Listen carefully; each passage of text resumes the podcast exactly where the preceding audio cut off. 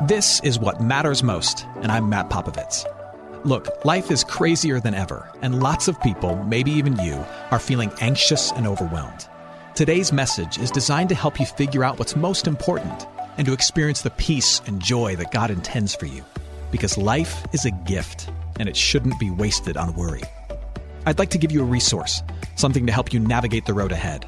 Just go to mattpopovits.com, click on the icon, and we'll send it to you. That's Matt, P-O-P-O-V-I-T-S dot com. And hey, if you happen to live in the Houston area, I'd love to see you on a Sunday morning at St. Mark in Spring Branch. Head to stmarkhouston.org to plan your visit. Here's today's message. Thanks for listening. David was born into a, uh, a working class, sheep herding kind of family. Uh, one of those families where from the moment you're born, you're put to work. And he was put to work herding sheep. He was put to work tending the fields, fighting off wolves, trying to stay alive from his seven brothers who were always beating him up. But there was something else about David. Not only was he a worker, the rest of the world could see that David was somebody special. Not special in the bad sense, but special in the really good sense, where the rest of the world was just always looking at him from a really young age and saying, man, this kid, this kid is going to be somebody. From an early age, he had these, these musical gifts. He had these, these rugged good looks. Like, like even at the age of five, other five year old girls were like, man, David is fine, right? David was special from the earliest of days. But the most special thing about David was that he seemed to have this deep connection to God that would flow all the way into his adulthood throughout his life. I mean, David is the one who, in the end, was this amazing musician who wrote the entire book of Psalms for the most part. Like 75, 80% of the book of Psalms was written by him. It's his poetry, it's his music that reflected his relationship with God. And at the age of 15, this special guy named David was handpicked to be the heir, the, the future ruler of God's people, the Israelites. Soon after he was picked to be the future king, he became a celebrity by slaying a giant named Goliath with nothing but a rock and a prayer. And then by the age of 30, he was anointed as king. He officially became king of the greatest nation and then was fed by this incredible connection he had to his creator. But here's the thing even the best of men have the biggest of secrets and make the worst of mistakes. David's occurred with a young woman named Bathsheba. Uh, and it didn't matter that, that both he and this woman uh, were married to separate people, uh, that her husband was off fighting a battle in David's war, or that he should have been tending to his own home rather than lusting after the hot mom from another house. David saw her David wanted her, and so David had her. But, but this is the way things always go. Um, adultery led to pregnancy, and now special David had a really special problem. And at first he tries to cover it up. He says to himself, well, here's the thing. I'm the boss of the army as the king, so I'll, I'll have her husband come home, home early. He'll have some fun with his wife, and hopefully he's bad at math, and eight months from now, he'll think that my problem is his kid. When that doesn't work out, David falls deeper and deeper into his rebellion, and he decides to have Bathsheba's husband killed rather than his own rebellion found out, his own sinfulness found out. And so he sends Bathsheba's husband to the front lines knowing that he would die, and he does die. David then marries his mistress, welcomes the baby, and tries to pretend that nothing is wrong, that nothing has ever happened. But deep down, like, like right deep in his gut, David knows better. He knows how far he's fallen. Think about it. At the age of 15, he had so much faith that he could kill a giant with a rock. But now, in his early 30s, he can't even control his lust for one woman. He knows how far he's fallen. And David's journey is a picture of the power of our own brokenness. But the story of David and Bathsheba is also a picture of God's ability to forgive us and pick us up and restore us. And it's also the origin of this biblical idea that Christians hold dear called repentance. It's the origin of repentance. Uh, we've been in this series, Origins, really throughout the summer, and what we're doing is we're looking at these Old Testament stories and drawing a line from these stories to how they connect to deep biblical truths that, that Christians hold on to, ideas like repentance. And today, that's what we're focusing on. And I really just want to underline that. What we're focusing on is the depth of our brokenness and then the path from brokenness into repentance and into restoration, because that's the picture that David gives to us. And it's part of a rhythm that all Christians throughout our lives are then called to live out. And if you're here kind of sitting on the edge of Christianity, peering in, wondering what it's all about, this is a good conversation to look at because one of the hallmarks of being a follower of Jesus is not running away from your rebellion like David's, but kind of running towards it and trying to turn from it and let the grace and the mercy and the forgiveness of God change it. Today we're talking about David. And as I said, David had it all. I mean, David was a superstar. But here's the problem David wanted more. He had it all, and he wanted more. And, and one of the things I've noticed is that that's how self destruction tends to creep up on us. It doesn't matter how rich you are, or how holy you are, or how together you are, the reality of the corruption of mankind, which I think we can all agree on, mankind is kind of messed up. But part of the reality of the corruption of mankind is that we can rarely ever truly be satisfied. Another thing that I've noticed as a pastor, and really just mostly about myself, is that as human beings, we tend to make some of our dumbest decisions when we're doing really, really well in life. When we're doing really, really well, we start to buy our own press. We start to think we are slightly above the law. We start to think that life is good and we're kind of unbreakable and we want more of that feeling and we put way too much onto our plate or onto our shoulders because life is so good we can handle it. And that's what happened for David. Life is good. David wants more. He thinks he's a little bit above the law. And so this hunger for more wells up into this big act of rebellion against what he knows is God's will. And that's really what sin is. If you're wondering what this whole idea of sin is, at the bottom line, at the core of sin, what you have is just rebellion. A rebellion against this gut level understanding of what the Creator says is good for us, rebellion against that, and an embrace of what we, as finite, limited human beings, have rationalized as being better for us. We rebel against what God says is good, both in His Word and mostly in our gut. We rebel against that, and we rationalize that we need something bigger, something better, something different. So it's rebellion, and that's really what sin is at its heart. And that's what David did. I mean, you can see it in 2 Samuel chapter 11. We heard from chapter 12 earlier, but let's look at how this all started. In the spring of the year, the time when kings go out to war, David sent Joab and his servants with him and all Israel. And they ravaged the Ammonites and besieged Rabbah. But David remained at Jerusalem. This is not an accident that the writer of 2 Samuel, Samuel, notes that this is the time of year when kings go out to war. But what did David do? David stayed back. Have you ever been in one of those seasons where you are really like flirting with rebellion or sin? And you haven't done anything wrong yet but you kind of know that you are positioning yourself for it, like you're flirting with the idea. It's like, I, I haven't jumped off the cliff yet, but I am kind of real sneakily just getting myself right to the edge and I'm going like this. You're prepping your life for it. You're kind of making it real easy for it to just, oh, happen, right? And that's what David did. David was in a bad place. He was the warrior. He killed Goliath at 15. He had won battles. Why wasn't he out there? Because something was stirring in him, lurking in him. Something was, was brewing in him. He knew he was in a bad season. And so he was positioning his life to do something that he knew he was going to regret later. He isolated himself and purposely gave himself ample opportunity to make a very bad decision. I don't know if you know this about human beings, but human beings plus isolation equals a bad decision. Left to ourselves, when we think no one, are, no one is looking, we tend to not do great things, but really dark things.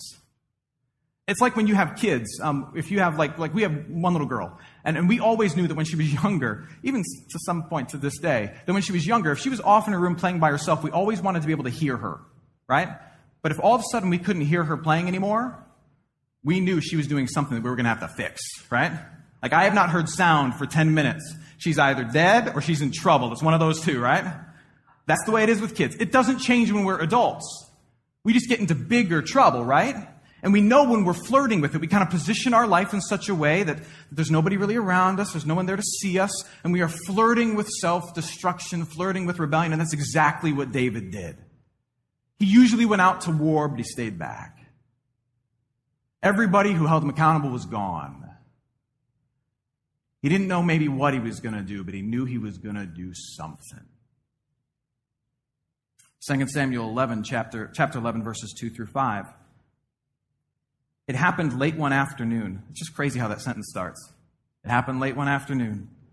When David arose from his couch and was walking on the roof of the king's house, that he saw from the roof a bathing woman, a woman bathing, and the woman was very beautiful. And David sent and inquired about the woman. And one said, Is not this Bathsheba, the wife of Uriah the Hittite? So David sent messengers and took her, and she came to him, and he lay with her. Then she returned to her house, and Bathsheba conceived, and she sent and told David, I am pregnant. So this is where the, uh, the sin hits the fan, so to speak. Uh, David now goes into a downward spiral trying to cover up his mistakes. Uh, but adultery leads to a child, which leads to the murder of Bathsheba's husband. Um, you can't polish a bad situation, but he tries to. When you try to polish a bad situation, you just end up spreading the filth all over, and that's exactly what happened with David. And yet, amazingly, after all of this, he thinks no one still has noticed, and he thinks he's gotten away with it. But as we know, nothing goes unnoticed by God. Because look at this, 2 Samuel chapter 11, verse 27. But the thing that David had done had displeased the Lord. Hey, friends, it's Matt. If you're listening to us in Houston and you're looking for an excellent education in a Christian setting for your student, I'm inviting you to take a tour of St. Mark Lutheran School in Spring Branch.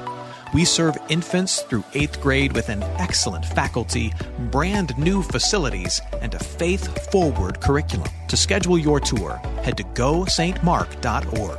That's G O S T M A R K dot org to schedule your tour today. St. Mark Lutheran School. It's excellent education for your son, your daughter, your little one. Now, back to today's message.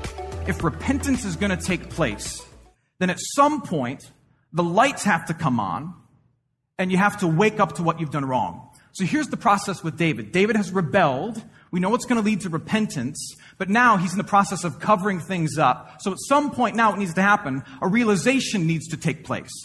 And here's how often the realization takes place. Sometimes God can convict you of what you've done wrong in your rebellion, just in your heart. The Holy Spirit's there as a as a baptized, forgiven follower of Jesus Christ, the Holy Spirit's there and kind of awakens you to your sinfulness, or you're flipping through the scriptures and, and you see and you are made aware of your sinfulness. But here's how it often happens God tends to work through people. He puts people in your life who know Him and who know you, and it's through these people that He calls you out and says, Hey, I know what you did. Or, Hey, I can see what's going on and this is not right for you, it's not healthy for you, or you're harming this person, or this doesn't jive with what we believe, he often reaches us through people. He turns the lights on to our rebellion through people. And that's how it happens with David. So David has rebelled. Now he must realize we're on the path towards repentance.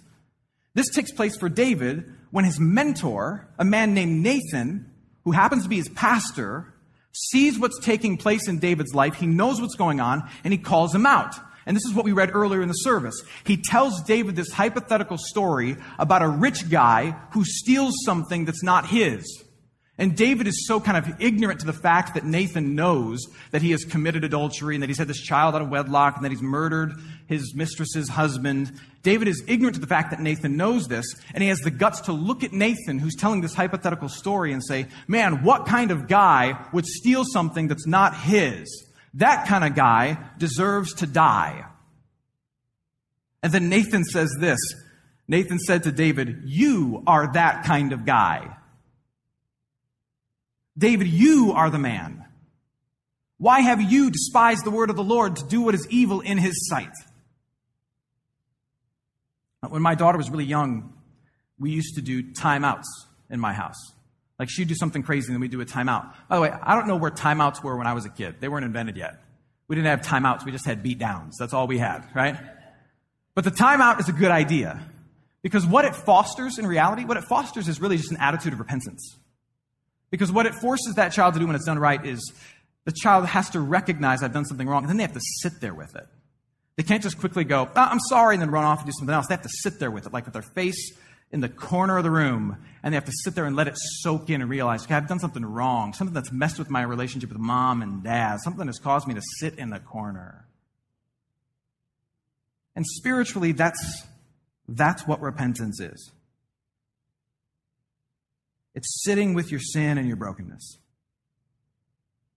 So that we come to a recognition of what it's done to, to me and what it's done to God, and how the only course of action is for me to receive mercy and forgiveness from Him. And when we don't do that, here's what we're missing out on.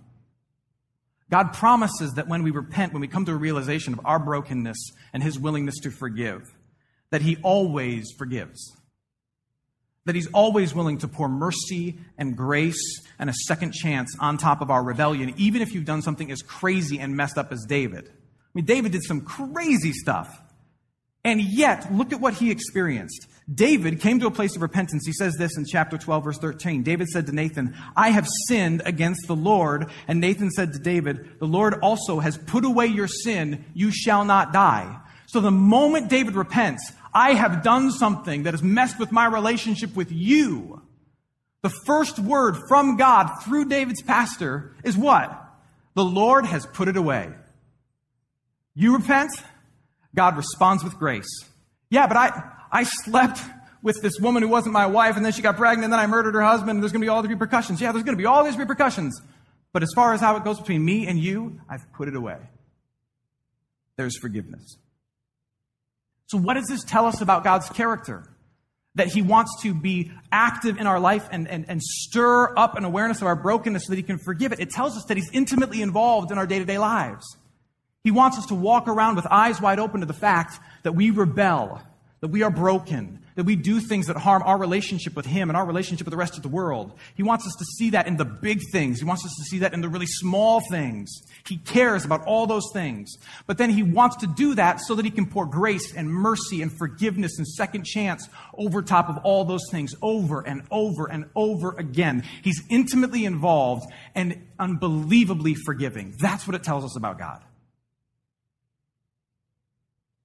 Now, with all that said, it doesn't mean there won't be repercussions. Uh, sometimes people have a, a, messed up view of forgiveness and repentance, and they think that, that when we repent, that when we say, you know, God, I'm sorry for what I've done wrong, that what we're doing is we're trading repercussions for forgiveness. So if I say I'm sorry about this, you'll forgive me, and then I won't have to deal with any of the, any of the aftermath of this. But, but that's not really the case. I mean, once we repent and we, we have grace and mercy poured over us, we still have to deal with the repercussions. Um, God forgives adultery, but there's still a marriage to fix. Uh, there was a, a, ripple effect of rebellion that ran through his family because of this. Three of David's sons, subsequent sons, would die in battle. One of his sons would start a civil war against David, trying to steal his throne and even assault one of David's daughters. Messed up stuff happened because of David's messed up stuff. But the beautiful thing was that even through all of this, on the other side of repentance, God still brought about restoration. David was able to continue as the king. David was able to have a right relationship with God. Even though there were repercussions, there was mercy and grace for David. He still loved him. God still forgave him. And God still used David's brokenness for his glory. And God promises that. He promises that, uh, that to take that situation, once you've dealt with it, He promises to do something with it in some way, shape, or form to use it for his glory. Now, keep going in David's story, chapter 12, verse 24. David keeps Bathsheba as his wife, and listen to what happens. David comforted his wife, Bathsheba, and went into her and lay with her, and she bore a son, and he called his name Solomon, and the Lord loved him. The Lord loved Solomon. So David and his mistress marry, the son that was conceived in sin, passed away, but they bore another son named Solomon. Now, David would never see what Solomon would become. Uh, but history tells us that Solomon would grow to be an incredible king in his own right. Uh, the scriptures call him the wisest man that the world has ever known. A man who was one day so wise that he was able to look back on the rebellion and the sin of his earthly father and his earthly mother and talk about the incredible love of his heavenly father and write these words Solomon wrote these words from Proverbs 28, verse 13. Listen to this. Where do you think Solomon got these words? Whoever conceals his transgressions will not prosper, but he who confesses and forsakes them will obtain mercy. I have to think that as Solomon is writing these words, he's not only thinking about his own brokenness throughout the years, but he's thinking about his dad and his mom and how their marriage got started and how his life was brought about and God's ability to take all of that and fix that and make another great king in Solomon out of that. Rebellion, realization, repentance, repercussions, but also restoration. Many people wrongly believe that life as a Christian is about trying to avoid sin. And that's just not the case. I mean, I'm not saying you drive headlong into it, but I am saying we should be honest and say that it's part of who we are as broken people, and it's not something we can ever absolutely avoid. Therefore, the ultimate aim of Christians is not avoiding sin, but embracing repentance. Coming to a realization of our brokenness, coming to an understanding of God's willingness to forgive, and believing, deeply believing that God can take even the worst of our stuff and turn it into something that brings glory to his name and blessing to other people. When the rest of the world is rationalizing, we're repenting and believing in restoration. That's our job. That's the story of David. That's the origin of repentance. This morning, I want to, I want to close the message with a prayer. And uh, the way in which we're going to pray is, is I just want us to focus on, I want you to focus on all of the. Uh, the unrepentant stuff that you know has gotten in the way of your relationship with God. Or maybe it's the fact that you live an isolated life like David isolated his life and shut out all these people who could speak truth or be a conduit of God's voice in any capacity. Maybe it's a conversation that you need to have with someone important in your life, a confession that needs to be made. Maybe it's some forgiveness that needs to be asked for from God or from someone else. Only you know what's happening in your heart. But as we pray, I'm going to use Psalm 51. This is the psalm, the song that David wrote after he was caught in his rebellion with Bathsheba. These are David's words in response to David's sin. So why don't you pray with me? Heavenly Father, we bring to mind all the ways in which we've wronged you, and, and we know those ways. We know we're people of rebellion. We know we're people who flirt with, um, with brokenness. We know we're people who isolate corners of our life so that no one can speak truth to us or really know us. We know that we are these kind of people. We know that there are things that, that have gone on in our life that we've felt bad about, but we've never really repented of. We've never looked at how they've affected our relationship with you. And so we want to do that this morning. And so we join with the words of David when David says this Have mercy on me, O God. According to your love that never fails, according to your great compassion, wash away the broken things I've done. Wash away all my iniquity and cleanse me from sin.